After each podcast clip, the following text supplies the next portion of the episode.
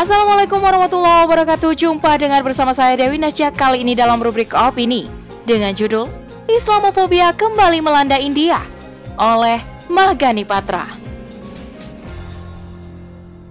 Islamofobia telah dijadikan propaganda barat untuk menyerang Islam dengan mendistorsi Islam sebagai agama yang menyebarkan paham terorisme, ekstremisme, dan radikalisme aksi kekerasan atau Islamofobia terhadap umat Islam tidak akan pernah mampu dihentikan selama umat Islam mengadopsi sistem kapitalisme sekuler sebagai sistem kehidupan.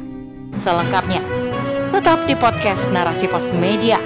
Narasi Pos, cerdas dalam literasi media, bijak menangkap peristiwa kunci.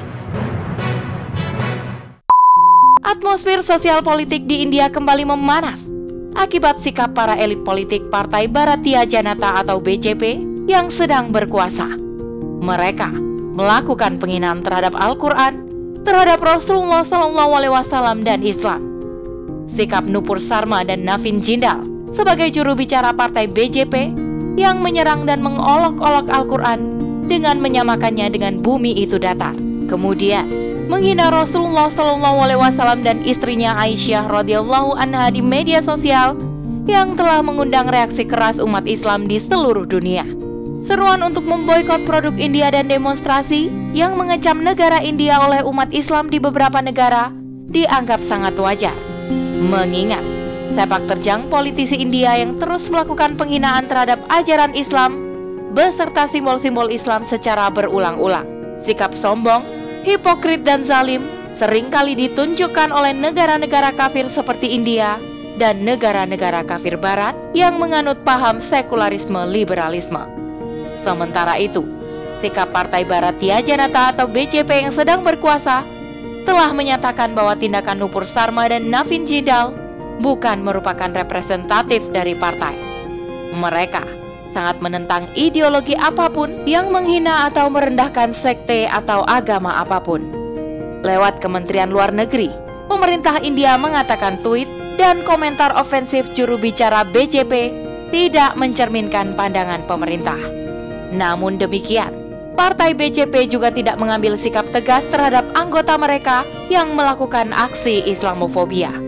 Bahkan, kebijakan politik India justru sering kali menampilkan aksi kriminalisasi, persekusi, dan diskriminasi terhadap kaum muslim minoritas di negeri mereka. Hal ini menjadi bukti bahwa Islamofobia masih menjakiti sebagian besar rakyat India. Penghinaan terhadap Islam bukan yang pertama sekaligus yang terakhir terjadi di India. Akan tetapi, sampai saat ini, kekerasan semakin meningkat dan terus terjadi. Bahkan, Kekerasan terhadap umat Islam juga kerap terjadi di beberapa negara lain yang menganut sistem kapitalisme, liberalisme, dan sekularisme. Kebencian kafir barat dan sekutunya terhadap Islam politik menjadi agenda yang terstruktur, yang terus dipelihara agar dapat memberikan legalitas bagi setiap kebijakan yang diterapkan. Oleh karena itu, bukan suatu yang aneh jika di dalam ekosistem kapitalisme sekuler, Islamofobia tumbuh subur. Sebab Nafas kehidupan sistem sekuler adalah terpisahnya aturan agama dengan aturan kehidupan. Dari aturan ini, muncul berbagai kebijakan yang melahirkan kekuasaan oligarki dan imperialisme untuk mengokohkan kekuatan dan kekuasaan mereka terhadap umat Islam. Barat dan sekutunya sangat memahami bahwa geliat kebangkitan umat Islam telah menyebar ke seluruh penjuru negeri Muslim. Salah satunya adalah Indonesia bonus demografi yang dialami oleh Indonesia menjadi hal yang semakin diperhitungkan dan dianggap sebagai tunas-tunas kebangkitan Islam. Tidak heran jika berbagai aksi Islamofobia masih terus terjadi dan dipelihara. Perkembangan Islam yang terus bertambah dan letak India yang beririsan dengan negeri-negeri Muslim seperti Pakistan, Kashmir, dan Afghanistan telah menumbuhkan kekhawatiran India dan negara-negara Barat pada umumnya mereka menyadari bahwa potensi kekuatan umat Islam akan sangat berpengaruh ketika terwujud persatuan umat Islam yang berada di kawasan ini. Apalagi ketika kesadaran politik Islam yang lahir dari pemikiran Islam politik akan mampu melahirkan akselerasi politik. Umat Islam menjadi kekuatan global adidaya yang akan mampu membebaskan hegemoni dan imperialisme kafir barat dan sekutunya terhadap negeri-negeri muslim.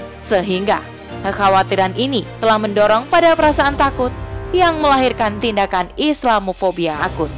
Islamofobia telah dijadikan propaganda barat untuk menyerang Islam dengan mendistorsi Islam sebagai agama yang menyebarkan paham terorisme, ekstremisme, dan radikalisme.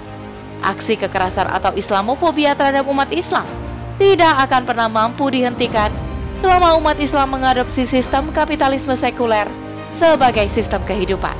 Oleh karena itu, sudah saatnya umat Islam kembali kepada sistem Islam dengan mengambil Islam sebagai ideologi dan sistem kehidupan. Karena Islam bukan hanya agama ritual yang hanya mengatur tentang akidah, ibadah, dan akhlak semata. Namun, Islam merupakan sebuah sistem yang memiliki sistem aturan yang komprehensif yang akan mengatur seluruh aktivitas kehidupan manusia. Karakternya sebagai din yang sempurna akan memberikan kemampuan menyelesaikan seluruh persoalan kehidupan manusia, termasuk persoalan Islamofobia umat Islam harus mulai membangun kesadaran politik Islam dengan menjadikan akidah Islam sebagai pengikat persatuan umat Islam. Juga mulai menyentuh kesadaran generasi muda untuk turut serta membentengi diri dengan mempelajari pemahaman Islam secara kafah agar tercipta perubahan yang mendorong tumbuhnya kesadaran dan kebangkitan Islam di tengah-tengah umat dengan menjadikan metode kebangkitan dan perubahan hakiki pada kerinduan terhadap penerapan syariat Islam sebagai konsekuensi keimanan terhadap Allah Subhanahu wa taala. Adapun langkahnya yakni melalui dakwah pemikiran Islam politik sebagai solusi untuk memperjuangkan penerapan Islam kafah dengan menegakkan khilafah. Wallahu a'lam bishawab. Demikianlah rubrik opini kali ini. Sampai bertemu di rubrik opini selanjutnya. Saya Dewi Nasyak undur diri. Assalamualaikum warahmatullahi wabarakatuh.